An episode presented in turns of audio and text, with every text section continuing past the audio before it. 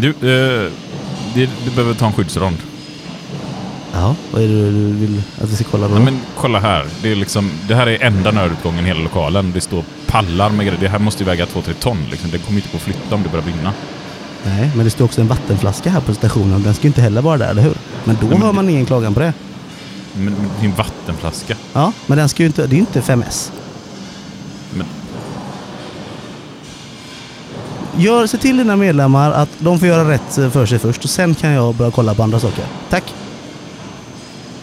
Och jag menar i värsta fall så kan ni försöka släcka elden då när ni behöver gå istället för att gå ut för nödutgången. Släck den med vattenflaskan. ja, det. What the fuck are we doing out here? I ask you, what in the fuck are we doing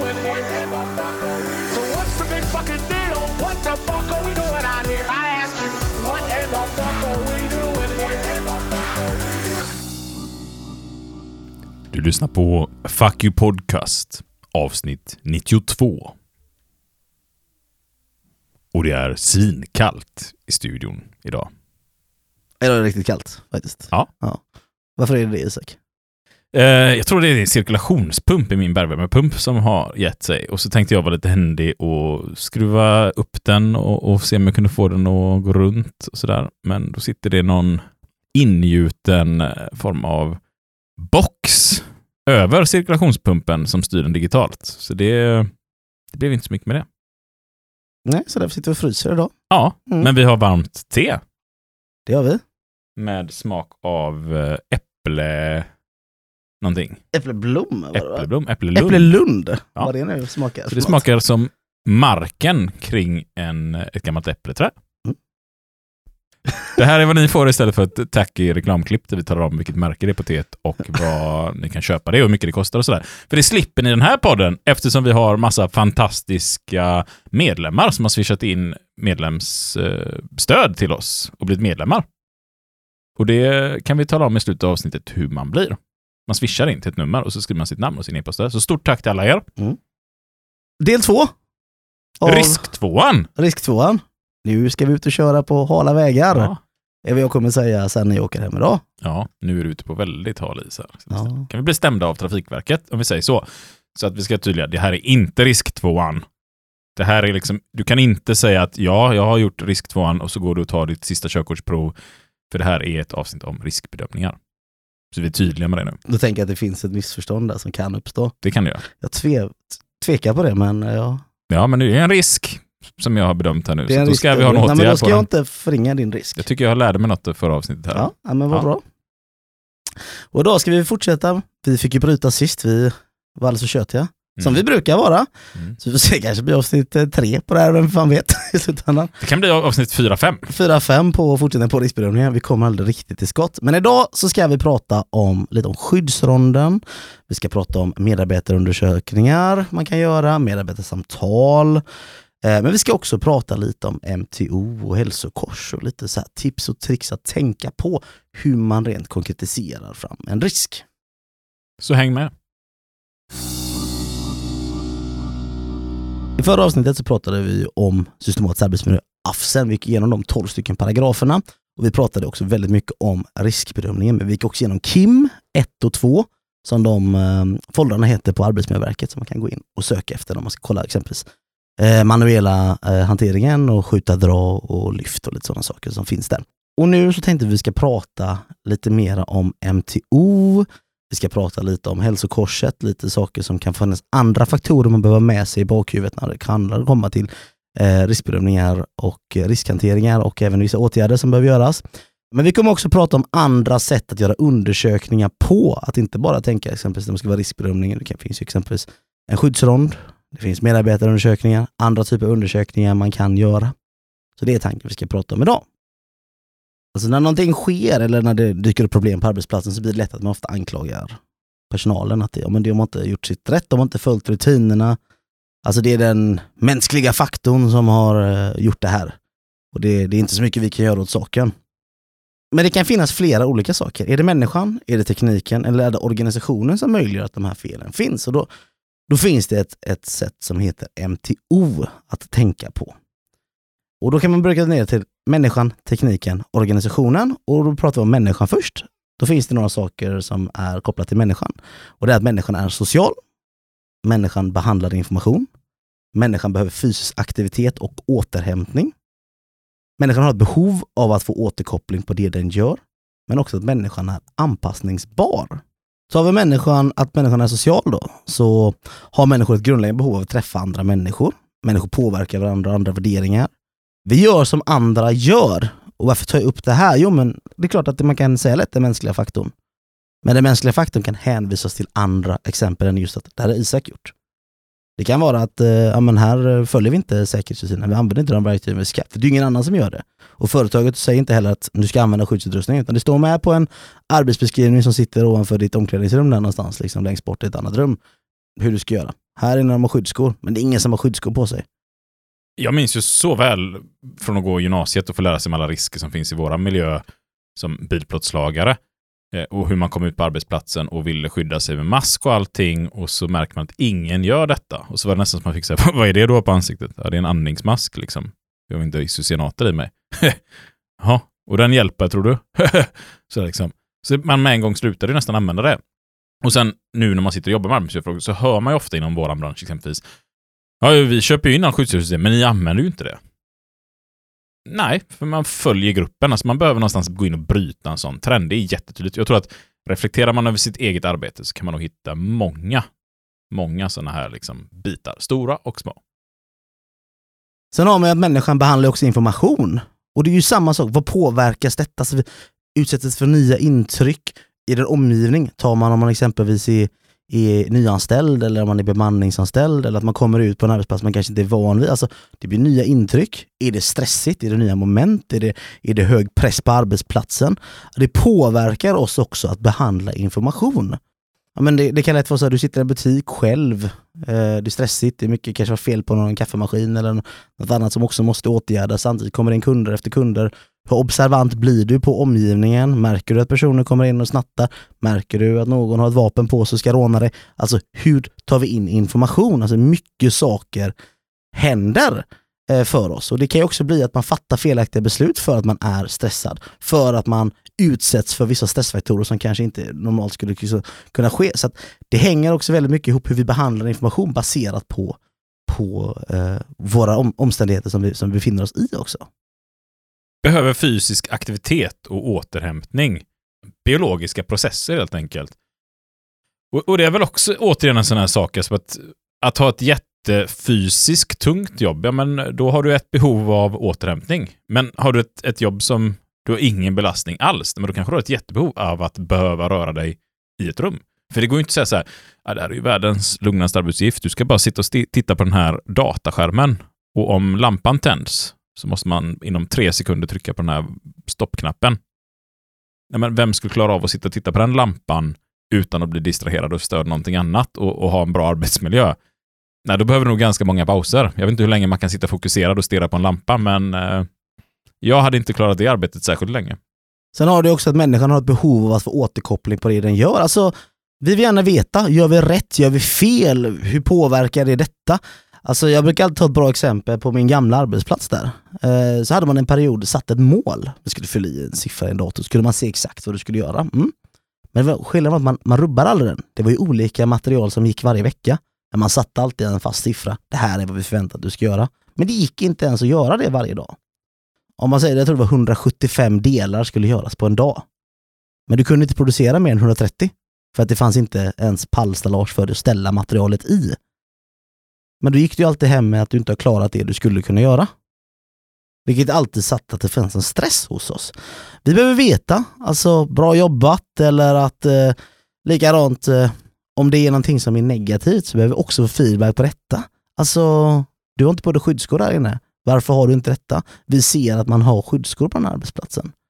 Det är våran kultur här. Alltså det är också ett sätt att ge återkoppling. Vi behöver detta som människor. Och slutligen här då så har vi att människan är anpassningsbar. Och det tror jag vi alla vet, att vi människor anpassar oss väldigt snabbt efter rådande omständigheter och vad som händer runt omkring oss. Men det kan vara ganska olika som vi väljer att anpassa oss, speciellt under saker och ting som tidspress eller hög stress då, då på någonstans så ska vi snabbt som an, attan liksom anpassa oss efter det här. Och så prioriterar vi bort saker. Men det kan också vara en sak som att man har bristande motivation eller bristande kompetens. Att jag vet inte hur man löser den här uppgiften. Jag kan inte räkna ut detta, så vi gör så här. Och det, den har jag stött på när man har flyttat besökt företag på olika ställen och man ser liksom, ska ni verkligen jobba på det här sättet? Ja, ja, ja. Och så märker man att det finns ingen, man har bara testat sig fram till något och så, och så märker man att det här funkar men ingen riktigt vet varför gör vi på det här sättet. Va? Och så anpassar man efter situationen, ser att ja, men den bredvid är likadant. Och så funkar vi människor.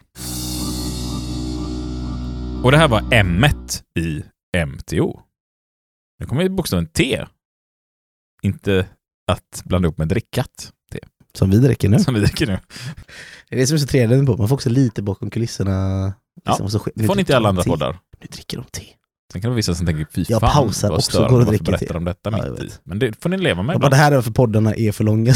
Ja, och varför Jimmy är med ibland och håller koll på. Men det är han inte nu. Mm. Det är lite fritt fram.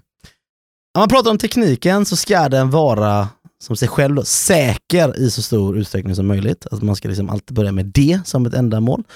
Eh, den ska vara konstruerad för aktuella uppgiften, alltså inte för mycket hemmasnickeri där det är en person som ska ha kunskap kring om den fungerar eller inte.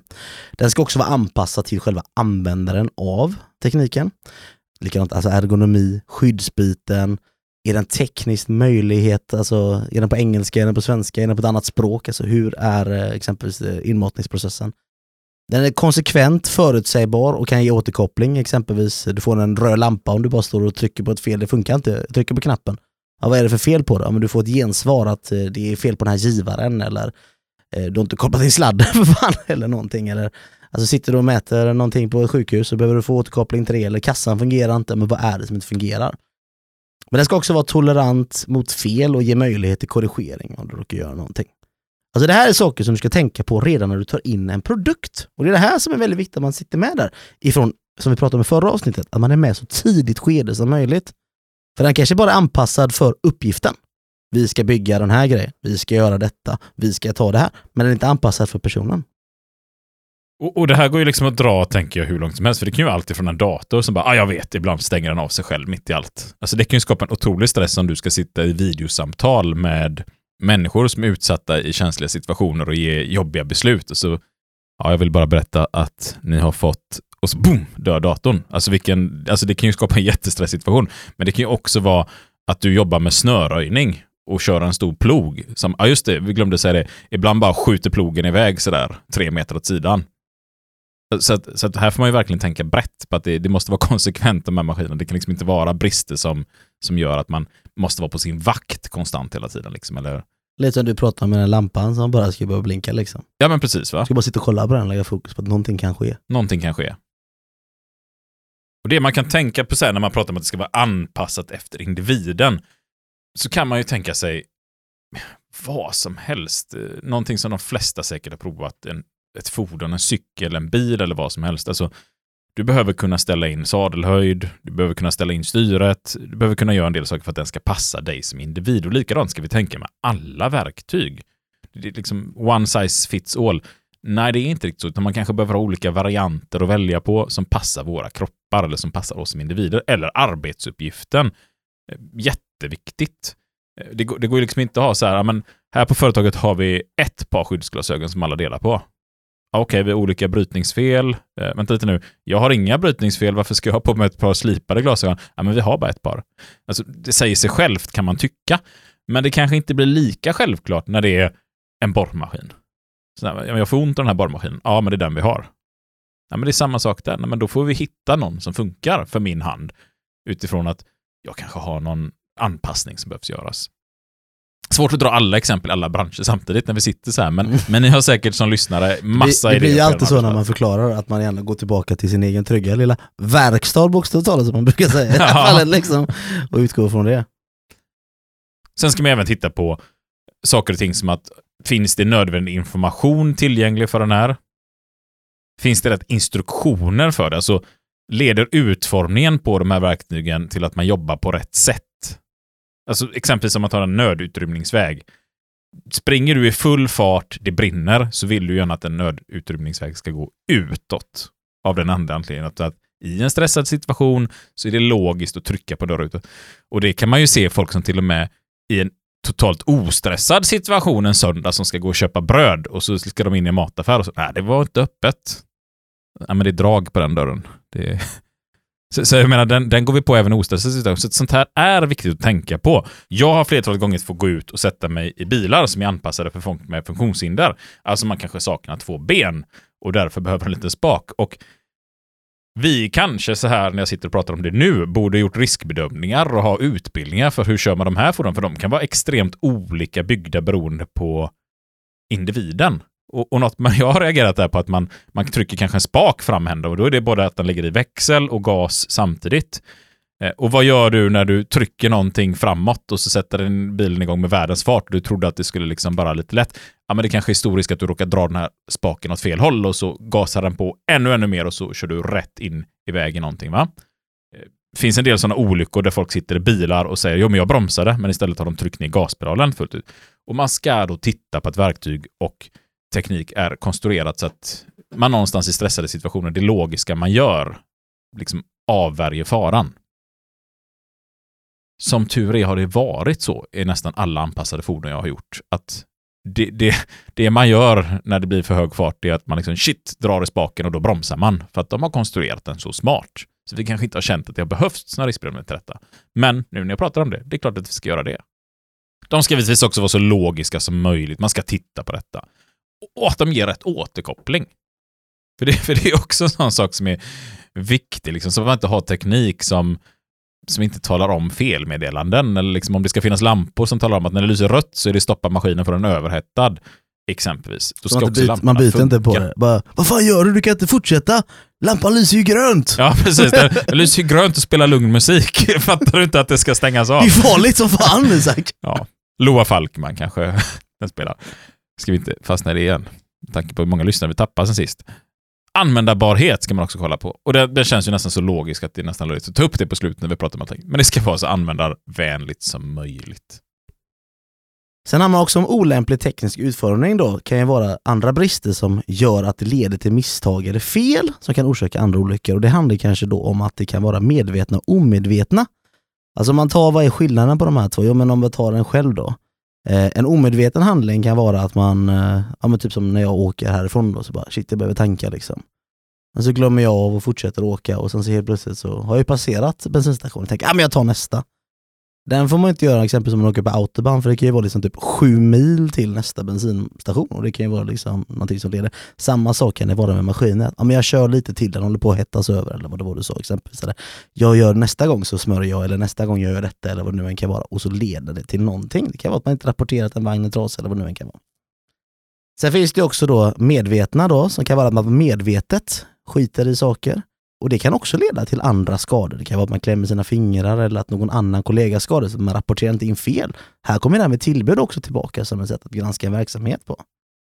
Att man, man rapporterar inte att det här den här är trasig den här givaren eller det här fungerar inte eller det här säkerhetsskyddet är bortplockat. Det är en medveten handling som har gjorts. Så det finns ganska mycket saker som man måste tänka på med felhanteringar med användning utav det. Och det kan leda till andra saker. Det kan leda till att det blir buller.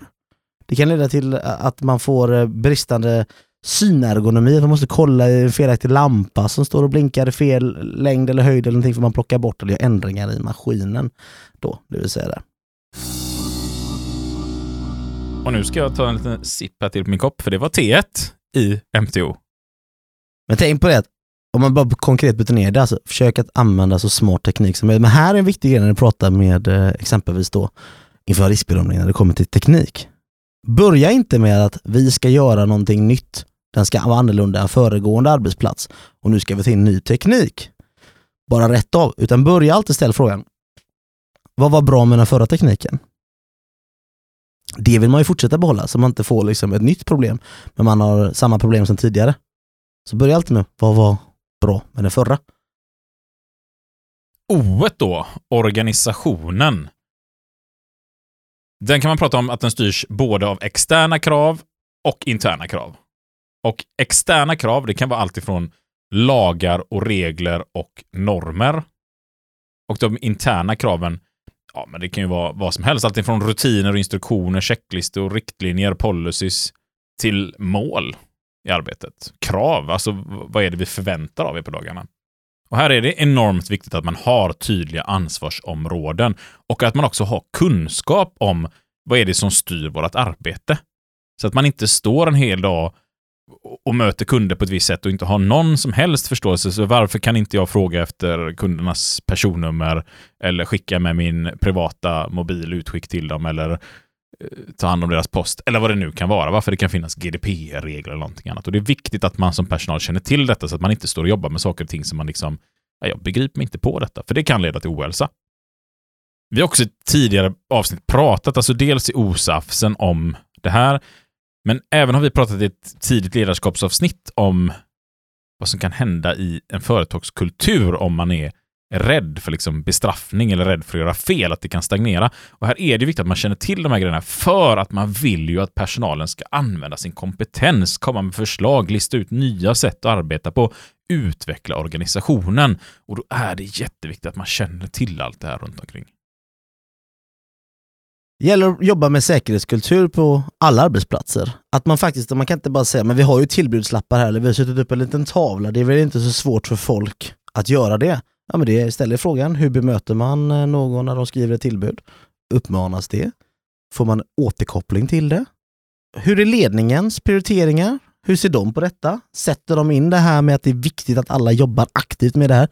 Lika viktigt som med något annat egentligen att jobba med detta. Finns det en deltagande och ansvar från personalen? Har man en kunskap och förståelse varför det är viktigt med säkerhet? Är det varför det är viktigt med skyddsskor? Varför har vi de här sakerna exempelvis överhuvudtaget? Varför har vi arbetskläder? Varför har vi personlig skyddsutrustning? Och sen då, hur är arbetssituationen då? Har man rätt arbetsförutsättningar eh, att arbeta på ett sätt exempelvis? Det är också en fråga om säkerhetskultur egentligen på en arbetsplats. Får vi de förutsättningarna? Har vi den tiden som det faktiskt kanske tar? Eller måste vi snabbt springa på nästa grej? Tar vi lärdom av saker som har skett, fel och brister? Och då är man ju tillbaka till det jag sa där. Alltså börjar man i rätt ände när man ska göra nya projekt eller nya saker.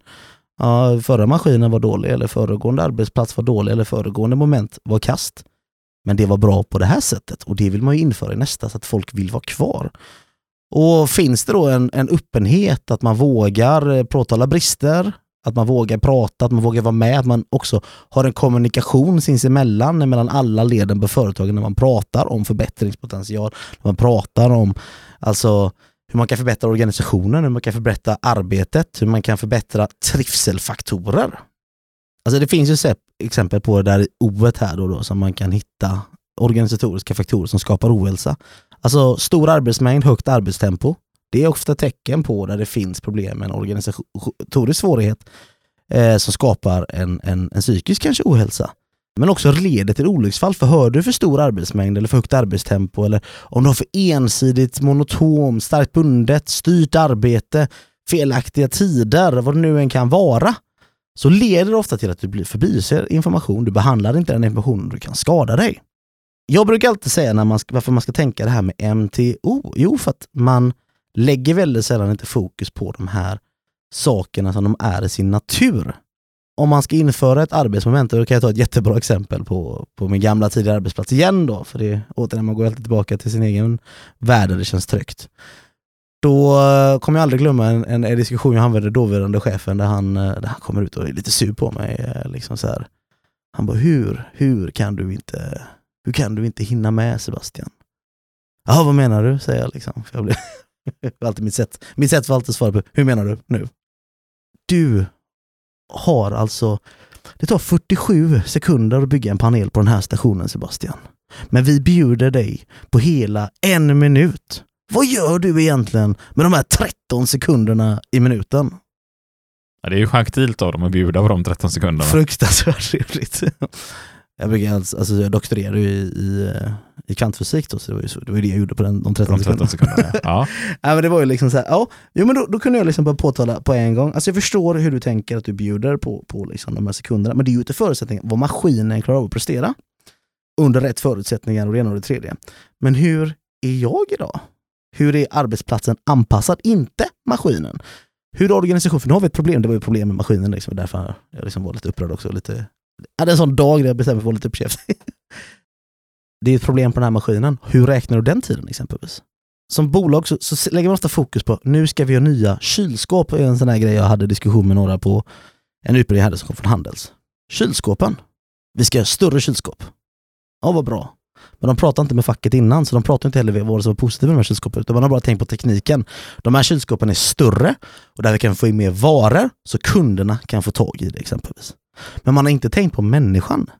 Hur är människan? I När alla... du säger kylskåp nu, nu, jag satt och tänkte på små kökskylskåp, men det här Ja, men jag pratar pratar ju vi om stora kylskåp till en butik liksom. mejeriavdelningen typ. Precis, Ja. liksom. och de bara så här, de ska vara två, två tio långa, liksom, höga och du ska ha hyllor hela vägen upp. Och de ska också ha ett djup liksom, för att du ska kunna ställa så här, drickyoghurt där hela jävla... Ja, Ja. precis. Hur fyller du på den om du är 1,50 lång? Ja, och, och då kan man ju tänka så här, även om man skiter fullständigt i sin personal, så tänker jag så här, hur ska kunder kunna plocka högst upp och längst in som inte är två meter långa? Men det är ju så, det är det här man måste tänka. Alltså hur, hur är människan? Ja, Det är det vi måste ha med oss där. Och likadant då, ja, men om, nej, men, då, då löser man så här, ja men om du inte klarar av det här Isak, då får väl du hämta någon som kan det. Har vi den organisationen som klarar av att hantera detta, att jag kan gå och hämta någon? Nej, för det är inte det som kanske ser ut i verkligheten. Det är väl ingen som bara går runt och drar fötterna på en arbetsplats idag liksom. Så hur, hur är våra M, T och O när vi pratar om en verksamhet? Hur är det när vi riskbedömer? och, och den stora problemen för en sån arbetsgivare är ju också att eh, det finns en korrelation mellan längd och hög lön. Alltså ju längre man är, ju mer pengar tjänar man. Det kan vi prata om i ett annat avsnitt, för det, det är lite sjukt att det är på det sättet. Men, men sen så tror jag att det kommer till en gräns där, där när man blir extremt, extremt lång, då är det extrema löneskillnader, för då är det ju nationella basketligan i USA som försöker rekrytera alla, så att eh, då ska du lönekonkurrera med det. Så att det, det är ju inte jätteklokt att tänka så. Ja, men jag tänker alltid på en, på en sak som min gamla arbetsgivare gjorde. Han ville vara väldigt snäll. Han ville få in fler kvinnor på arbetsplatsen, vilket var en väldigt, väldigt bra liksom, tanke, speciellt inom industrin som det kanske inte finns överallt eh, där kvinnor kommer in. Så han började anpassa arbetsplatserna efter kvinnorna. Och kvinnorna var i snitt 1,65 långa. Och det är inget fel på det. Han bara satt in, eh, liksom, maskinerna var anpassade till det. Sen så satte han höj och sänkbara bord.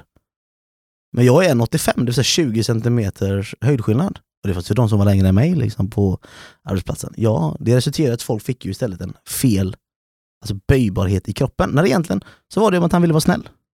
För att han ville få in fler människor på arbetsplatsen. Han ville liksom höjden, anpassa arbetsplatsen, men han tänkte i fel ända. För jag är kanske lite längre än snittet då och eh, då, då blir det att för mig blev det istället skador. Så jag har ju liksom lite problem med nacken idag på grund av detta. Att jag fick stå med lite böjt huvud hela tiden och arbeta. Vilket var någonting jag inte där och då tänkte på. Men man inser ju nu att ah, det här är varför jag fick ont i kroppen. Liksom. Och jämställdhet handlar ju faktiskt om att försöka göra det jämställt för alla i samhället. Men hade man då valt att fråga oss exempelvis, kan vi anpassa tekniken?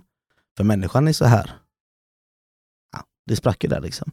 Så att ha med ändå på något sätt en tanke när du sätter ner Är det här för människan? Är det här för tekniken? Eller är det för att organisationen kräver det? För det kan ju vara så att organisationen behöver minska.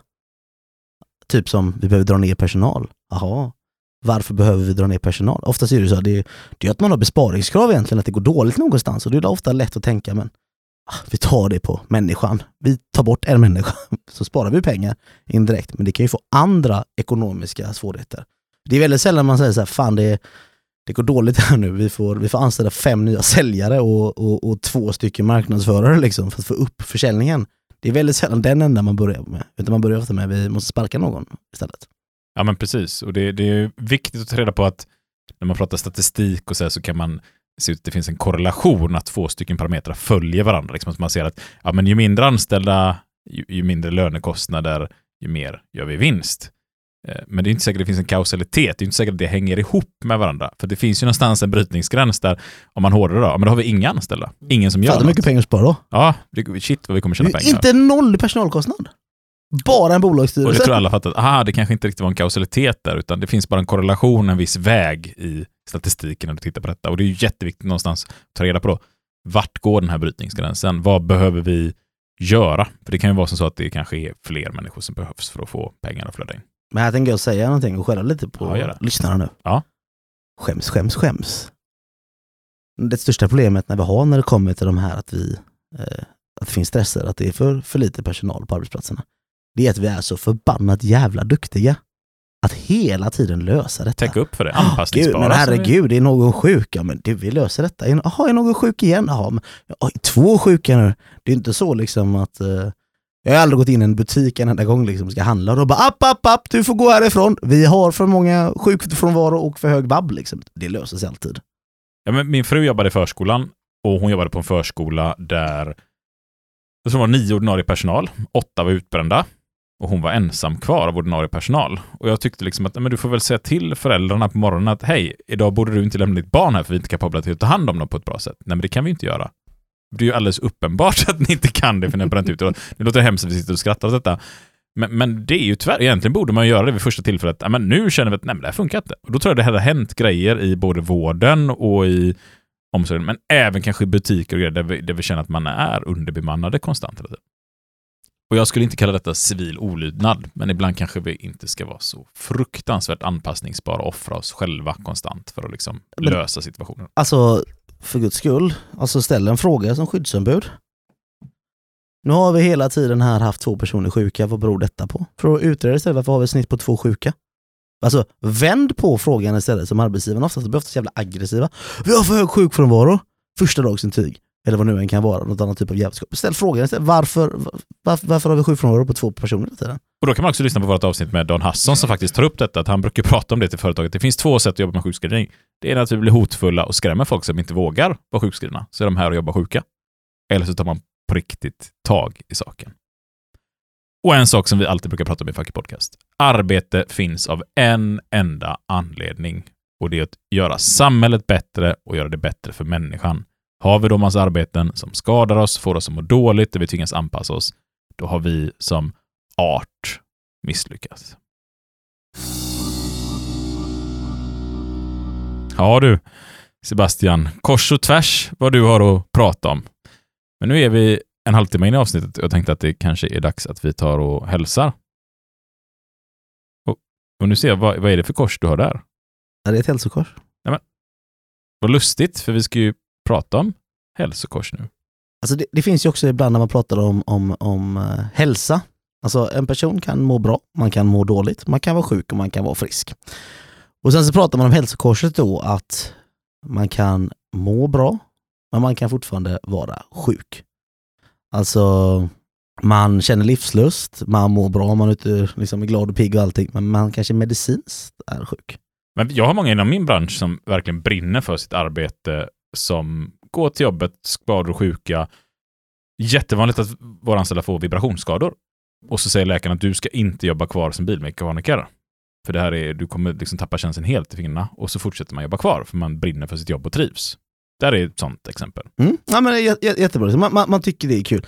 Sen kan man må dåligt och vara frisk. Alltså man mår dåligt utan att vara sjuk i någon medicinsk mening på något sätt. Det här kan man ju sätta till olika perspektiv, alltså man kan vara psykisk eh, sjuka. Och det här kan vara en fråga att ställa sig också, så hur mår folk här? Vi kan inte bara granska liksom eh, sjukfrånvaron, för det är lätt där man fastnar. Det kan också finnas en sjuknärvaro. Det kan vara intressant att granska på en arbetsplats när det kommer till detta. Nu pratar vi undersökningar lite.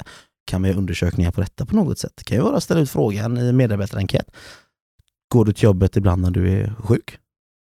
Ja, för det exemplet jag tog upp, det var ett ganska positivt exempel utifrån att du går dit för att du gillar ditt jobb, men det kan ju också vara att du går dit för att du känner att ah, det kommer bli kaos med mina kollegor om jag inte går dit, eller att jag är rädd för att få repressalier. Och nu kanske de börjar så här, "Oh, men man kan inte hålla på med allting här Sebastian och Isak. Liksom. Jo, men Det kan Ja, man ju faktiskt. men man kan, kanske man kan det. Men det kan ju också vara bra att faktiskt kartlägga det här för att veta vad beror det på. Jag menar, är det lönefrågan? Då kommer företagen aldrig vilja betala ut en spänn till extra för det här. Du, du får höja din lön så du kan ha råd att vara sjuk. Det är ju inte det det handlar om, men varför? Varför liksom är det som det är? Kommer man hit sjuk? Jag vet ju att eh, min gamla chef, väldigt mycket pratar om honom idag, men eh, han tyckte att han hade gjort den smartaste idén. Han anställde bara en massa 20-åringar vid ett tillfälle. Liksom. Ja, det blir smart. Ja, det- De jobbar hårt. Och... jobbar hårt de är liksom så, och så ska, de måste flytta och sluta och sådana saker och så skaffar har de inga barn och de har liksom så. Och de ställer alltid upp på övertider. Mm. Men det stämmer ju också så liksom. Men sen blev ju alla de, ingen slutade ju knappt och eh, alla blev så här 30 och helt plötsligt bara ploppar ut barn. Det här var ju när jag kom in, det var ju då hela de gängen ska ploppa ut barn. Så jag har nog aldrig varit så sjuk i hela mitt liv som när alla mina kollegor på det skiftet jag jobbade på skaffade barn. Det var ju konstant sjukdom på mig.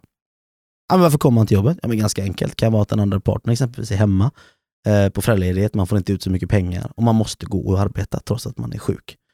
Eller det har varit vab en hel vecka, man har inte råd med en sjukvecka exempelvis till. Så att det kan finnas många faktorer det här är något vi behöver ta med oss och på något sätt hitta sätt Man kan det vara att man kanske kommer sjuk, men vi kanske har andra sätt att tvätta arbetsplatsen, göra rent och misstänka, eh, äh, vet det, arbeta bort droppsmittor eller hur ser lunchrummet ut? Är det för trångt? Är det anpassat för ändamålet? Alltså att man börjar redan här när man sitter i exempelvis ombyggnationer. Har man är det anpassat eh, lunchrummet för, för att vi kan öka i, i, i personal? Eller om vi har för många sjuka? Vad händer om någon kommer sjuk? Sitter man för tajt? Smittar man varandra då? Alltså lite sådana saker. Och, och har man sådana här sjuksiffror på sitt arbetsplats med så, så att alla liksom, ja det är helt otroligt, hur kan vi ha så här låga sjukskrivningssiffror? Ja, hur kan ni ha det? det kan, man kanske ska faktiskt fundera på att människor blir ju sjuka överlag om man umgås i ett samhälle och finns i ett samhälle. Liksom. Och då kanske man ska reflektera över de sakerna. Om man har en onormalt låg sjukfrånvaro så kan ju det också vara någonting man behöver titta på. Varför ser det ut så? Men bara för att ändå komma tillbaka till hälsokorstinen, liksom, bröt för långt. Alltså, ohälsa, det kan vara både sjukdomar som är medicinska och objektiva, så du kan ha kroppsliga, du kan ha fysiska, psykiska, som inte är en sjukdom på det sättet, men ändå så kan leda till en ohälsa baserat på någonting som finns på jobbet. Har du brister exempelvis i den psykosociala eller den fysiska arbetsmiljön så kan du ge upphov till arbetsskador i den långa loppen.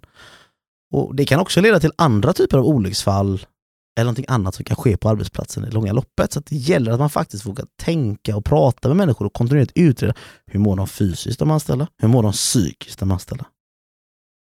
Och det är Gösta Tiblin som har gjort det här hälsokorset kan vi väl slänga med också. Så finns det en länk till det i eh, beskrivningen till podden i texten och ni hittar också på våra sociala medier.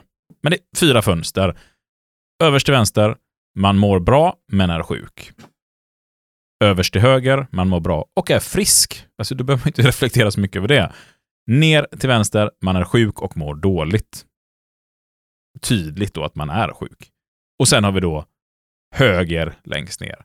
Man mår dåligt utan att vara sjuk i medicinsk mening. Och då behöver man ju kanske utreda alla tre fält förutom må bra och är frisk. Det är väl jättebra. Men då vill jag skicka med lite sak. Varför inte titta på hur kan det vara så här fantastiskt att folk mår bra och är friska och lära sig av det och se till att det här ska vi inte trixa bort. Liksom. För att det behöver inte alltid bara vara fokus på nackdelar. Man kan ju faktiskt fokusera på bra saker ibland också, liksom lära sig av det och implementera det till andra avdelningar, eh, dotterbolag, tipsa andra skyddsombud om det. Så att fokusera även på det. Skyddsronden. Den vill jag veta mer om, Sebastian. Man kan väl säga kort och enkelt att en skyddsrond är ju ett sätt att granska sin verksamhet på. Alltså, när man pratar i samhället pratar man kanske om eh, när det sker en plötslig förändring så man måste riskbedöma just den, men ett, ett sätt att hela tiden säkerställa att man faktiskt jobbar med rutinerna, att man jobbar med eh, alltså har man gjort rätt från början exempelvis, det är ju att gå skyddsronder. Men nu ska jag komma med, Sebastian säger till app, app, app, gång nummer två här. Går vi rätt skyddsronder? Det är också en fråga att ställa sig på. Men vad är ett sätt att, att gå en skyddsrond på? Ja, men det finns flera typer av olika. Det kan vara att man bara granskar, har vi en lag efterföljnad här egentligen? Alltså har vi tryckkärl? Har vi, alltså, hur jobbar vi med dem? Har vi besiktat dem? Det är ju ett sätt att, att, att säkerställa att man har, har gjort rätt. Alltså pallstallage, kan vem som helst bygga ett pallstallage? Nej, det tror jag inte. Jo det kan man. Alla kan bygga ett Alla kan bygga, ja jo, jo. Men får man lasta på Får det? man lasta på det? Ja, är det godkänt? Nej, kanske inte. Då har man ju, måste man in en besiktningsman eller någon Ja. som har godkänt för att göra det här. Det är ju ett sätt att göra en skyddsrum på. Man kollar att man faktiskt har gjort detta. Eh, Hissar hittar man ofta sådana här liksom märken, eh, att den kontrollerades senast. Sådana saker. Det är ett annat sätt att, att liksom säkerställa att den här hissen mår bra. Och det är ju samma sak då med skyddsrummen. Fungerar den här arbetsplatsen det ska? Det jag ska säga som jag tror att vi gör fel många här, det är att man går samma skyddsrond hela tiden. Man går ofta en allmän skyddsrond. Och då kollar man vissa saker. Och sen så säger man det var kast. Men man, och sen så, så går man vidare. Ja, en lampa här var trasig i taket. Jättebra att veta att den 24 maj eh, liksom 1997 så var en lampa trasig här i taket. Det är inte intressant. Utan det man vill komma åt egentligen är ju hur våra rutiner. Det är det ni måste bryta ut. Hur kommer det sig att vi går här på en skyddsrond Och och, den här lampan den- lyser ja. inte? Då saknas det någonting. Åh, 24 maj 2003 liksom. Nödutgång var blockerad. Ja, det är ju inte intressant. Det frågan är varför står Palsta, eller någonting och blockerar eh, nödutgången. Och hur har vi rutiner som ser till att inte nödutgången... Blir blockerad? Ja. För det var en sån sak vi hade på, på första, ett av de första ställena jag arbetade på. Där skyddsombudet gick med chefen på en plats som var ganska nära mig och så klagade man på att ja, men nu är den blockerad igen och igen och igen. Och jag stod där och sa liksom, ska vi inte bara tejpa liksom gula markeringar på golvet? För det brukar ju de flesta fatta att då ställer man inte grejer där liksom. Och det gjorde vi. Och sen tror jag inte att det var med på en enda skyddsprotokoll. Alltså att man hittar en rutin bara. Det är det det handlar om, så man ska slippa gå så mycket skyddsronder hela tiden och så man ska slippa hela tiden och liksom hitta och anmärka fel. Så lös det. Men det, det hänger också ihop det här liksom, varför det är så här viktigt att ha företagshälsovården som en part. Och där, då, då blir det tillbaka till frågan, amen, hur förhandlar vi företagshälsovård? Det blir ju nästan en annan egen avsnitt, men det är ju också en viktig fråga. För det dyker upp i så många ställen. Det står i arbetsmiljölagen, det står i AFSAR, det står i AFSen om företagshälsovård, det står i systematiskt arbetsmiljöarbete. Alltså, många säger att de skaffar företagshälsovård. Men det är fel. De har inte företagshälsovård utan de ansluter sig när de behöver saker ifrån dem. Och det blir också jävligt alltså, figurativt. Bara, men vem, när gör vi det då? Och du, är din chef läkare? Ja, är den det jättebra, då kan den bedöma medicinska saker. Men vem kan, kan du och din chef när det går skyddsrond avgöra om det är tillräckligt mycket lumen på belysningen? Är det tillfredsställande lumen? Eh, nej men det, det är ju jättesvårt. Det har ju varit en, en, eh, en viktig fråga för oss. Att våra billackerare har tillräckligt bra ljus för att kunna se kvaliteten på utfört arbete. Sen så har ju vårt bolag varit ganska mån om det också eftersom det blir kostsamt för om det inte är det, för det blir mycket omjobb och sånt där. Men, men, men det är ju en jättesvår fråga. Eller som vi pratade om i förra avsnittet med elektromagnetiska fält. Alltså det, det är sånt som är skitsvårt att avgöra själv. Det är Liksom. det jag menar. Jag menar om du är ute och går liksom med skyddsrond så kan du avgöra om det är tillräckligt brandskydd. Eller luftkvalitet är väl det svåraste. Ja. Ja. är det Jag kan tillräckligt tänka- luftflöde Jag här? kan tänka att många, det är svårt också att avgöra om det är tillräckligt med, med buller. Liksom. Alltså, vad, är det som, vad är det som gäller? Och det är de här frågorna som kanske blir mer viktiga. För att jag tror ju verkligen inte att folk mår dåligt ute på arbetsplatserna för att en dag på en skyddsrond så var en nödutgång blockerad och det är därför eh, ni mår dåligt på arbetet. Nej, det är ju en sak som förhoppningsvis ingen någonsin kommer att märka. Men det kan bli katastrof den dagen det händer något och det är blockerat. Ja. Men det är ju inte det som påverkar det dagliga Utan välbefinnandet. våga säga så här, alltså för det första att ifrågasätta i skyddskommittén då exempelvis, om ni har en skyddskommitté. Annars så ta upp det med en arbetsgivare, för det är arbetsgivaren som själv ska välja att granska verksamheten. Ja visst, vi kan gå den allmänna skyddsronden. Hur i år har du säkerställt att vi har uppfyller bra belastningsergonomi? För det blir frågan att ställa. Det ska ju också granskas på något sätt, eller? Har vi kvalitativ belastningsergonomi? Hur mår vi här? Hur är bullermiljön? Hur är, hur är belysningsmiljön? Hur är eh, exempelvis eh, skorna utformade? Hur ser våra policy och rutiner ut? De här sakerna är någonting man också ska gå och granska och det gör man på en skyddsrond. Så att våga ta tag i de frågorna med och inte bara gå och kolla de här allmänna skyddsronden. Jag kommer liksom aldrig glömma det här när vi skämtsamt sa ju det här med vattenflaskan i förra avsnittet, eller introt som vi spelade, om det nu kom med och det vet inte jag, det här avsnittet. Ja, nu behöver jag ju klippa med det Nu någonstans. måste du verkligen klippa Ja. det, men det var ju, det var ju hänt på riktigt.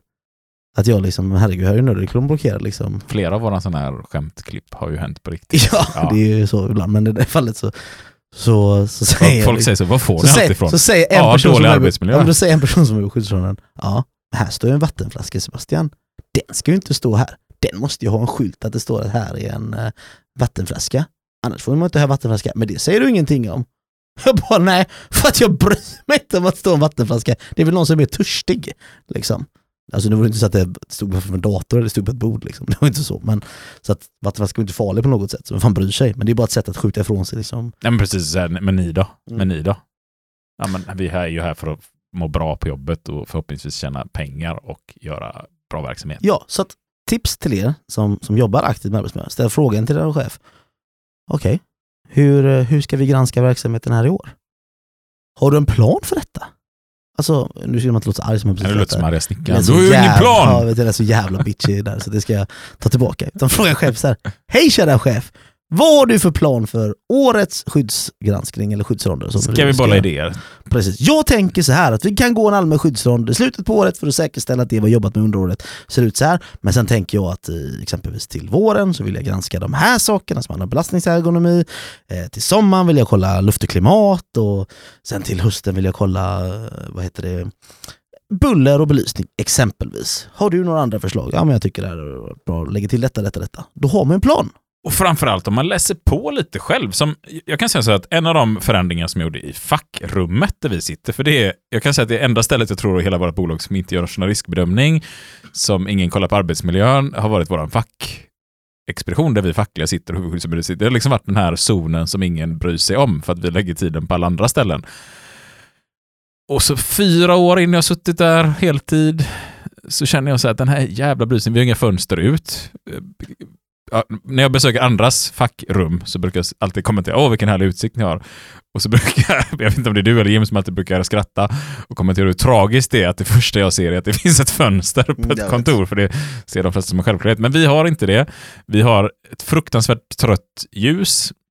Och jag bara satt där och tänkte att nej, fan, alltså varför har vi de här lamporna? Och började läsa på lite och inser att det finns rätt mycket forskning på mycket pengar man kan tjäna extra i ett bolag. Nu kommer inte vår fackklubb tjäna mer pengar för att vi har bättre belysning, men tanken är densamma, att vi höjer effektiviteten innan man har rätt belysning och då finns det mängder med experiment och sist jag var inne och läste så någonstans 20-22 procent har man sett i effektivitetshöjning på ett kontor där man går från sämre belysning till en väldigt, väldigt bra belysning där man pratar och då pratar vi som ska efterlikna solen så mycket som möjligt, alltså dagsljus så mycket som möjligt. Och vi köpte lampor, billiga lampor, men så nära vi kunde komma vad man hade forskat det här. Liksom.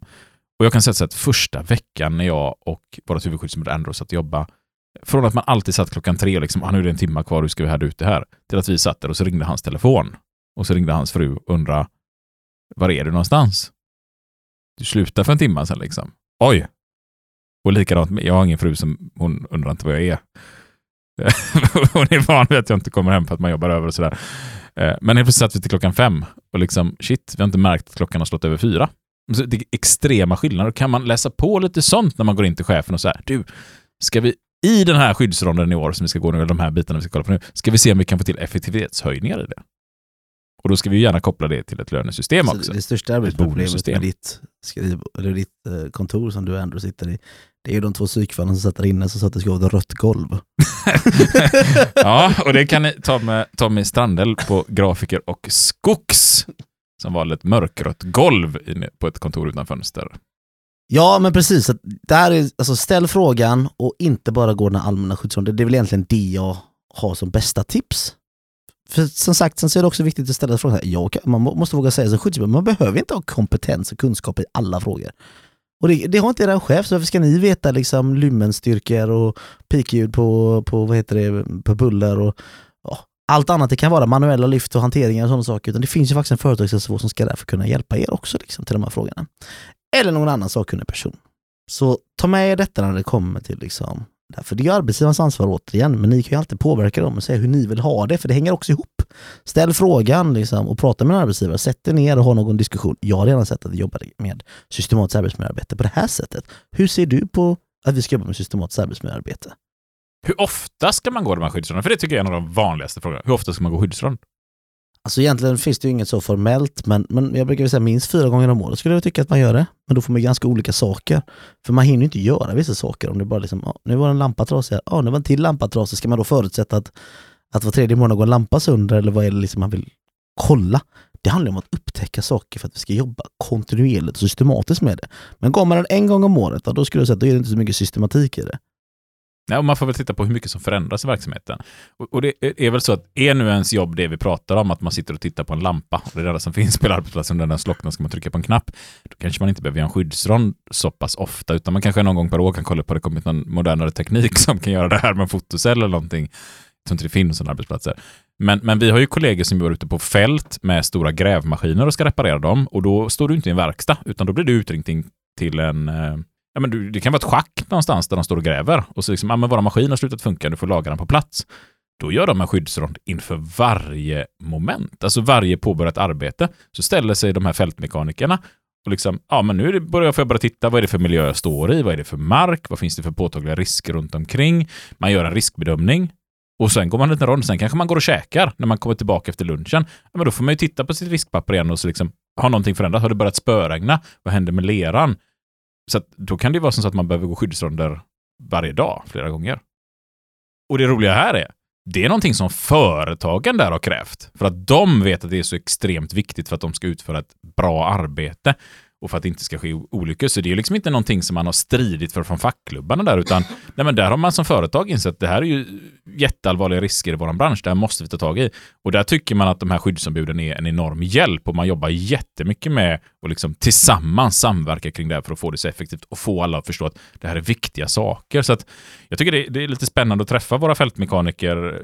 Vi har inga själva i bolaget jag jobbar med inom vår bransch, på hur man liksom nästan, de blir nästan pushade på kollegorna att ni ska ju vara ansiktet utåt i arbetsmiljö, ut och jobba. Man jobbar med det på ett exemplariskt sätt på vissa ställen. Och så finns det de som fullständigt struntar i det. Men eh, skyddsram då, allt ifrån fyra gånger om året till varje dag. Beroende på verksamhet. Ja, precis. Och sen kan det ju vara att man, alltså har man flera skydd brutit ner det, att de på varje respektive avdelning jobbar med kanske samma riskbedömning. Man sätter sig liksom ner och diskuterar ihop. Tar man den här avdelningen för sig, och den här avdelningen för sig, och den här avdelningen för sig, som att det bara går på hela arbetsplatsen. För det kan ibland vara fel. Alltså jobbar du i en butik, kolla då frukt och grönt. Kör där. Hur är belastningen här? För annars kan det bli för stort alltså. Det blir för stort att lägga fokus på, det tar för mycket tid, kan liksom chefen uppleva. Men då är det bättre att man jobbar mindre och hela tiden istället jobba på ett, på ett systematiskt sätt. Um, Hej. Ja, jag, jag skulle fy- fylla i eh, mera den här undersökningen. Ja. Ehm, Men det går liksom... Ja. Kanske inte tänkte fylla i det, men liksom, det går bara att välja bra. Jaha, det är ingen annan som har det problemet. Eh, Kanske bara är hos dig då. Ja, ja. Jo, jo, alltså, jag hade väl alltså, tänkt fylla i bra, men alltså man... Jag bara, det är lite märkligt att man bara kan fylla i. Ja, det är ingen annan som har haft problem att det skulle vara något annat än bra här. Nej. Nej. Nej, nej men det...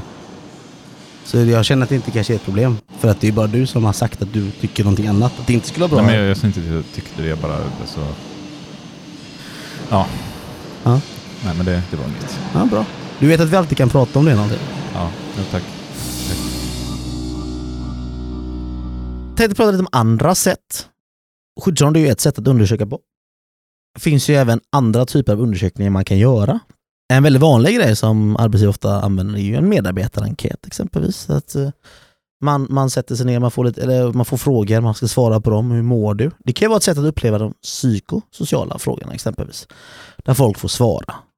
Men då är det också så här viktigt, men hur, hur är svarsfrekvensen? Att man faktiskt vågar granska det här. Alltså ah, 22% svara.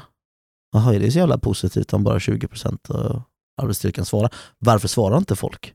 Men är det hur vi delar ut dem, hur vi samlar in dem? Är det frågorna är ställda? Jag vet att vi hade alltid en diskussion som dessutom företaget fattade själva. För det blev så jävla spridda skurar på hur är din chef? Och det var definitionen, hur menar man en chef? Alltså hur upplever du samarbete med din chef? Ja, men vad är, vad är din chef? Ja, det är ju så här, ja, men jag kom jättebra överens med fabrikschefen. Jag kom inte bra med min teamchef. Men jag tycker om min arbetsledare. Det är ju tre chefer. Vem menar man när man säger chef? Liksom? Man skriver ut vad det är för funktion man pratar om för att kunna hitta liksom, hur man ska lösa de här sakerna.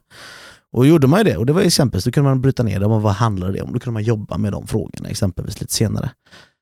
Så medarbetarenkät är ett jättebra sätt att liksom generellt titta. De är anonyma så det går inte kanske att göra något mycket åt Isaks tillvaro men man kan uppleva, okej, vi har någon här som mår så dåligt att de inte tycker om att gå till jobbet. Kanske dags att agera. Precis. Skapa någon slags öppet klimat eller våga ställa lite mer frågor eller jobba på något annat sätt eller inkludering på något sätt eller skapa runda bord i ett lunchrum för att då måste folk se varandra exempelvis. Det kan finnas olika sätt. Och, jag brukar alltid säga så här, liksom, betalar man nu pengar för en medarbetarundersökning som de flesta ändå kostar och vissa lägger väldigt mycket pengar på detta Alltså vi tar hundratals tusen liksom.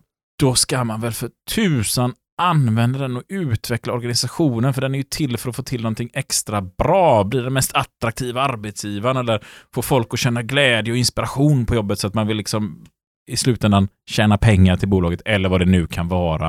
Eh, nu, nu pratar vi ofta om tjäna pengar, det kanske är, man jobbar kanske inom vården, men då kanske det handlar om någonting annat som man mäter än just tjäna pengar. Men det finns ju så mycket som man kan utveckla om man faktiskt tar den på allvar och jobbar med den och lyssnar in och får till det här klimatet där folk vågar berätta och komma med idéer. Och jag menar så här, ja, vad är det värsta du kan råka ut för som arbetsgivare då om du tycker att nej, jag vill inte göra de här idéerna? Nej, men du skiter i dem precis som du sket i medarbetarundersökningen. Liksom. Det är inte värre än så. Så jobba med dem ordentligt. Det, det vill jag verkligen skicka med.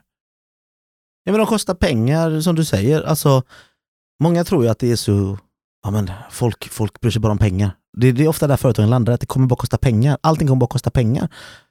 Jag tror verkligen inte det, för personalen går ju redan dit på den lönen som de har. Sen sitter jag inte och säger här nu att man behöver inte ge folk pengar, men som vi pratade om i, i M i MTO, det var inte människan är girig och behöver pengar. Utan människan behöver exempelvis återkoppling. Man vill veta att man har gjort någonting bra. Det är någonting så litet man kan göra för ofta ändra ganska mycket i medarbetarenkät. Man får den återkopplingen som kanske krävs. Människan vill också vara med och påverka. Vi vill prata. kanske bara handlar om att skapa ut, utrymmen och möjligheter för folk att gå och småprata lite kanske. Att man inte lägger det där extra momentet på personalen så att de faktiskt tappar den här pratstunden de kanske hade med en kollega. Utan det är också ett sätt att liksom titta på som kanske dyker upp i en medarbetarenkät. Sen finns det ju andra typer av undersökningar man kan göra. Man, man, kan, ju, man kan ju testa mängder med olika sätt. Vi, vi testade en sån här som finns i vissa sådana här, eh, du vet, man går in i butiker och så kan man trycka så här glad gubbe, ledsen Ja, gubbe. precis. Hur trivs du med personalen? Hur, hur var din arbetsdag? Hade vi. Och så tog man ut de resultaten som var ifrån, alltså då när vi slutade. Skiftskarvarna var hela tiden. För att då få in liksom någon typ av feedback. Kan man, kan man säga att det är något slags, herregud allting var rött liksom idag, vi har fått upp statistiken, man kanske var just något som hände den dagen. Då kan man bryta ner, varför mår folk dåligt? Om man verkligen vill jobba med det. Liksom. Jaha, just det, idag var många sjuka. Då kanske folk var ledsna på grund av att man tappade sin kompis från jobbet, eller det var högt stress idag, eller vad det nu än kan vara. Så att det är inte fel att våga jobba med olika typer av liksom, undersökningar. Alltså undersökningar kan vara att man skickar ut en fråga och låter någon svara på den bara för dagen. Det kan man göra anonymt, samlas in på någon annan plats. Eh, hur tycker du att den här veckan har varit, har varit kass? Den har varit 1 till 5 och skicka en siffra till på sms eller någonting till någon anonym tjänst som samlar in statistik. Man kan göra mängder med olika typer av undersökningar. Och där finns det också jättemycket material som man kan hämta från Arbetsmiljöverkets hemsida och så också.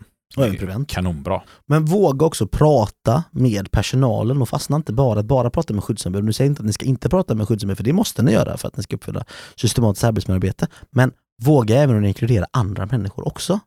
Det var som jag brukade säga när det, när det kom till så här, vi skulle göra en, ett nytt lunchrum, det var liksom ett skadestånd, vi ska ha ett nytt lunchrum, det ser för jävligt ut liksom. Ja, då får du sitta med en arbetsgrupp, sa chefen till mig. Jaha, varför då? Nej men du representerar ju anställda. Ja jättebra, så jag. jag förstår vad du menar nu. Okej, men jag är ju här lite sällan. Det är bättre att ha de som faktiskt är här måndag till fredag och äter lunch. Jag kunde slarva med det liksom att äh, jag tar någonting och sitter på klubbrummet eller jag var borta på annat liksom. Det är bättre att ha några som faktiskt vill vara med och förändra och skapa en trivselgrupp då egentligen. Och det blev jättebra, för de tog ett ansvar sen för verksamheten. Och då tar de också kanske ett ansvar för att hålla ordning i fikarummet, att det ska vara fint och fräscht och man känner sig lite stolt och glad och man kanske faktiskt talar om när det söks folk att börja hos mig, det är skitbra, vi har jättegod och trivsel. Så det finns så mycket att vinna på det här. Och framförallt så finns det så mycket att förlora på att inte göra det. det vi har pratat om det innan i podden när kollegor till mig fick ett jätte, jättebra p-hus som det hade fan knappt kunnat bli bättre. Så var ingen nöjd för ingen hade fått vara med och påverka det. Liksom. Och det blir så tråkigt när man, någonting så bra händer som man har önskat så länge och så är man ändå inte nöjd för man har inte känt sig delaktig. Så att, ja, det finns extremt mycket vinning att hitta och det pratar vi mycket mer om i våra förhandlingsavsnitt. MBL-avsnitt framförallt, där pratar vi jättemycket om syftet med MBL och syftet med att man är med i det arbetet. Så det går hand i hand i detta. Så har ni inte lyssnat på det, eh, Crash Course MBL-avsnitt kan ni söka på. Avsnitt kanske 82 eller något sånt där. 78 kanske. Där någonstans. Ja, men sen finns det ju andra typer av, av undersökningar. Man, man har ju medarbetarsamtal. Och väldigt viktigt att tänka det ska inte handla liksom om lönefrågor. Det är inte medarbetarsamtalet, det är ju lönesamtalet som ska handla om det. Utan det här kan handla mer om andra saker. Men jag vill ha kompetensutveckling och så ta ut någonting. Okej, fan alla här vill ha kompetensutveckling. Vi kanske jobbar för dåligt med kompetensutveckling. Det är också ett annat sätt att bedöma saker och upptäcka saker som finns. Det kan vara att man har problem. Nej, men jag känner mig stressad hela tiden. Varför känner du dig stressad då? Nej, men jag upplever att jag inte kan få liksom, det resultatet som jag vill ha. Och vilket resultat vill du ha kan man ställa frågan som chef då. Nej, jag vill ha det här. Jaha, det är inte vad vi har för krav på det exempelvis. För ibland kan det vara den saken. Det finns otydliga krav. Det är också något som är väldigt, väldigt farligt på en arbetsplats. Det finns otydliga krav, det pratar vi om i OSA. Man ska, inte, man ska ha tydliga kravställningar på varandra. Liksom. Att du ska veta vad det är som förväntas av dig på en arbetsdag. Om den är otydlig, vad ska jag göra då? Det var lite som jag pratade om där, jag skulle bygga 175 paneler men jag kunde aldrig bygga 175 paneler. Det skapade en väldigt otillfredsställelse för mig, för jag fick ju bara feedbacken att du har inte klarat ditt mål. Men om man byggde 175 så har man byggt för mycket sa de ibland. Du har stulit en vagn, du har stulit palmyta liksom. Det skulle du inte gjort. Du skulle gå till hjälp någon annan. Men när ska jag göra det? Vilket, vilket tal ska jag uppnå då? Det blir ju en otillfredsställelse hos mig och man mår dåligt. Att bara ta de här sakerna och våga granska då. Det är den där hälften vunnet tror jag. För att återigen, lönen, folk är den där. Det är klart att alla liksom har mer lön. Det är, det är inte det jag säger att man ska skita i det, men de andra sakerna kostar ingenting. Och börja för fan i den ändan då. Och bara säga tack, bra jobbat idag. Sen finns det ju, alltså egentligen de bästa är ju att faktiskt våga jobba med tillbud och vara tolerant mot att de kommer in. Alltså skaffa IA-systemet eller något annat system. För att Och det är IA-systemet gratis. helt gratis. Och det är ju, ja, om man avtolkar man säga då. Man ska ha kollektivavtal. Ja. Ja. Men det, det ägs ju gemensamt utav Svenskt Näringsliv och, och fackförbunden då, via AFA som ansvarar för det. Det är ett sätt att rapportera in tillbud och, och, och riskobservationer exempelvis, där faktiskt man får gensvar hela tiden. Så att du kan ju ses, om chefen jobbar med det här och skyddsombudet godkänner, då får du tillbaka som anmälare att ja, det här har skett. Så man vet att det faktiskt jobbas med. Men oavsett, tillbud är ju ett sätt att också upptäcka risker. Det finns en anledning till varför man säger att tio stycken oj som ett tillbud då är, är ett aj, en arbetsskada. Jo, det är ju för att det är ett sätt att granska verksamheten. Men vi vet att med tio stycken eh, tillbud som kommer in så kommer någon att skada sig. Rent statistiskt sett. Statistiskt sett ja. Och därför behöver vi jobba med de här och vara då tolerant. För det är jävla skillnad att se komma till jobbet och ett helt palstallage ligger liksom nedslängt på backen och det kostar flera hundratusen att reparera. Än när man bara en dag sätter på påkörningsskydd för 3000 spänn. Liksom. Det är ju bara för att man gör dumma med tillbud. Så att hitta ett sätt att vara tolerant, uppmana. Alltså ställ frågan på ett morgonmöte, ett uppstartsmöte eller ett avslutningsmöte eller hur man än jobbar. Har vi några tillbud? Har någonting skett? Och är svaret nej på två veckor, då ska du ställa dig frågan, jag tror fan att ni ljuger liksom. För någonting måste ha skett. Rent statistiskt sett så sker ju saker hela tiden. Det är ett sätt. Riskobservationer, det är ju ett annat sätt. Alltså det är ju som man säger att eh, ett, eh, ett tillbud är någonting som liksom, du håller på att uppleva någonting, någonting kunde skett liksom, men det, du var inte där heller. Ja, du var nära på att bli påkörd av en truck, men riskobservation är att den här kan ju ramla till slut, den här grejen. Det kan eh, i den här gången bli en potentiell möjlighet där man nästan blir påkörd. Det är också ett sätt att rapportera in och att kunna jobba med alltså egentligen riskbedömningar. Så riskbedömningar är så, så stort när man pratar om det. Det är liksom det är många olika led, men man måste inte ha ett papper som säger allt, utan våga ha version 1. Våga komma tillbaka till frågan och ha version 2, version 3, 4, 5. Våga kolla på andra sätt. Okej, han fick inte med där efteråt. Nej, men då kör vi det på skyddsronden nästa gång. Vi tar det på årliga systematiska arbetsmiljö. Alltså det ska du göra i slutet på året. Du ska ju granska din verksamhet. Har jag efterlevt? Jobba med SAM på något sätt. Det är också ett sätt att hantera risker på. För att jobbar du, om svaret blir nej på de här, så jag har ju en sån här liten check med mig här bara för att man skulle kunna ta som exempel här. Liksom. Frågan är så här, eh, sker, eh, första frågan, sker arbetsmiljöarbetet i samverkan med skyddsombud och arbetstagare? Ja, är svaret på dig, nej du uppfyller inte SAM. Gör de ju rätt. Gör de ju rätt? Exakt. Har skyddsombudet tillräcklig arbetsmiljöutbildning för sitt uppdrag? Nej. Nej, okej. Gör de ju rätt. Finns det en arbetsmiljöpolicy? Nej. Nej, men vet du vad? Gör, gör de ju rätt. Gör de ju rätt. Och det här är bara några exempel. Det här har jag fått från Prevent. Eh, just den här. Men det är bara ett exempel på vad man kan hitta på. Och det här ska man göra varje år. Då jobbar man med en årlig uppföljning. Då får du ju med detta. Och gör man det här, börja inte granska en massa affsar, börja inte hitta någon annan lagstiftning, utan bara bryt ner det. Bara, går vi skyddsronderna rätt? Går vi skyddsronderna rätt? Eller går vi bara en allmän skyddsrond? Går vi och kollar på, på, på liksom lyft? Tar vi bara en skyddsrum som handlar om manuella lyft. Jag kan tänka varenda butik, varenda lagerarbetare, varenda vårdbiträde, varenda person som jobbar inom vården, industrin. Alla lyfter. Byggarbetare. Hur många plankor går det upp? Liksom? Hur mycket bär du dem? Hur många meter bär du dem? Det finns saker att hämta där. Kolla på kimmarna. Kim 1, Kim 2, Kim 3 som Arbetsmiljöverket har. Liksom. Jättelätta. Använd dem. Börja i den ändan och långsamt, långsamt bygga upp en verksamhet. För då kommer arbetsgivaren också hitta de bristerna och våga jobba med dem istället. Istället för att gå den allmänna skyddsronden så är ni fortfarande stressade. Ta en psykosocial skyddsrond. Bara ställ den frågan. Jobba med psykosocial skyddsrond istället. Och hur ofta ska vi gå den so Ja, Den psykosociala? säger jag minst en gång om året. En gång om året säger Ja. du? Säg fyra gånger om året säger jag då. Ännu bättre. Gör den jätteofta. Ja. För, beroende på vad den är för verksamhet. Två anställda. Det kanske är världens bästa, lugnaste Chefen och arbetsplats. en anställd. Går den en gång om året. ja. Nej men alltså så här, det finns liksom inget fel sätt att jobba på, bara man jobbar med det. Så att fastna inte i färdiga mallar utan hitta ett sätt som fungerar för er. Alltså vi exempelvis hade tagit ut texten i vår arbetsplats ifrån eh, ADI 575. Vi hade också tagit en checklista från Prevent och bara tagit så här med liksom riskkälla och allt det här. Sen fastnade vi med grön, gul, röd, fungerar inte, men då bytte vi till siffror istället. Började köra med nummer istället. Kommer du på de här numren, inte bra liksom, då måste du göra nu. Så funkar det för oss. Vi hade också med kimmarna. Så vad hade vi, vi hade hantering av, av eh, manuell hantering. Ja, då var det också med. Då var det redan där en riskkälla om den var över en viss siffra. Man hittar sina egna sätt att lösa detta på. Men en grej som jag brukar eh, ta med mig och prata om, det är faktiskt någonting som Robin Alsing, nu på ABF med ditt gamla huvudskyddsombud berättade, att han hade med alltid en fråga, vad hade media sagt om det här? Ja men precis, vi brukar alltid räkna på ja, men vad blir mediekostnaden för oss då om det händer någonting med en kund eller med en anställd och sådär. Hur påverkar det resultat? Och det blir så här, "Nej, det är ju väldigt negativt. Ja men då kanske vi ska jobba med det här. Och det är ju faktiskt någonting man sitter och gör i många bolagsstyrelser från aktieägarnas håll. Liksom att man bedömer de här riskerna. För att vad kan konsekvenserna bli? Och det vill man ju inte som aktieägare.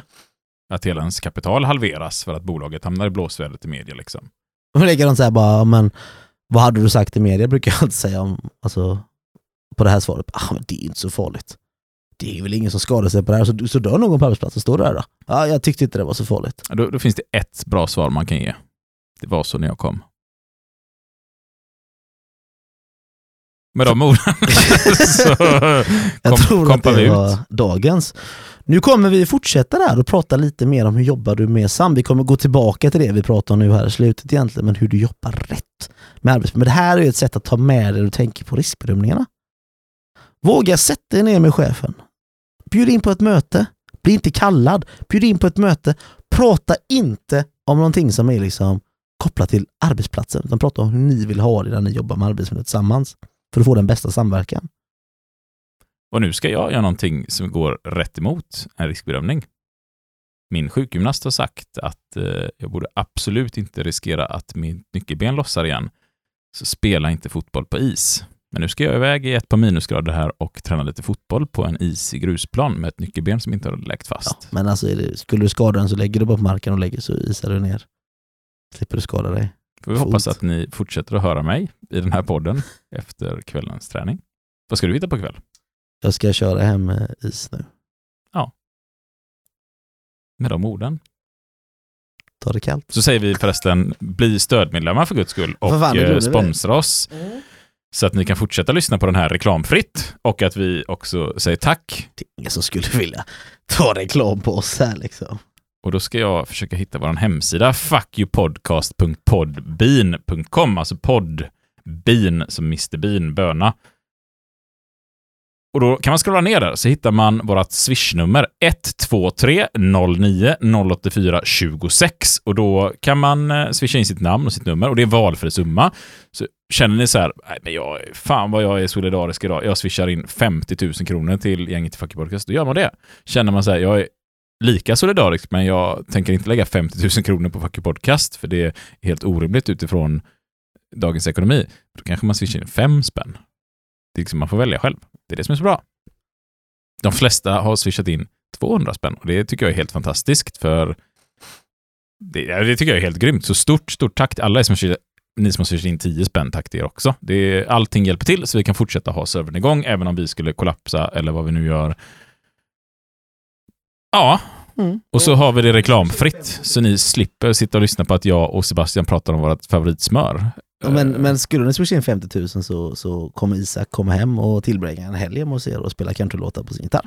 Ja, men det, det kan jag faktiskt utlova. Och det har jag faktiskt gjort till vår senaste lyssnare som swishade in en, en väldigt, väldigt, väldigt, väldigt, väldigt hög summa. Då, då bjöd jag, vi tillsammans bjöd honom på varsin öl. Så han fick tre öl och sen satt jag och spelade gitarr och sjöng för en honom. hög, en hög summa. Ja. Mm. Så då vet ni vad som behövs för det erbjudandet. Med de orden så ha en riktigt fin dag. En fin tisdag som det nu är. Om det här släpps på en tisdag. För det kan vi väl också kommentera att i och med våra pressade scheman och almanackor så är det inte säkert att vi kommer släppa avsnitten exakt varannan vecka, utan vi försöker hålla oss till varannan vecka och då är det tisdag morgnar klockan 06.00 som det normalt ska släppas. Ha det fint! Ha det fint! Vi hörs! Hej! The fuck are we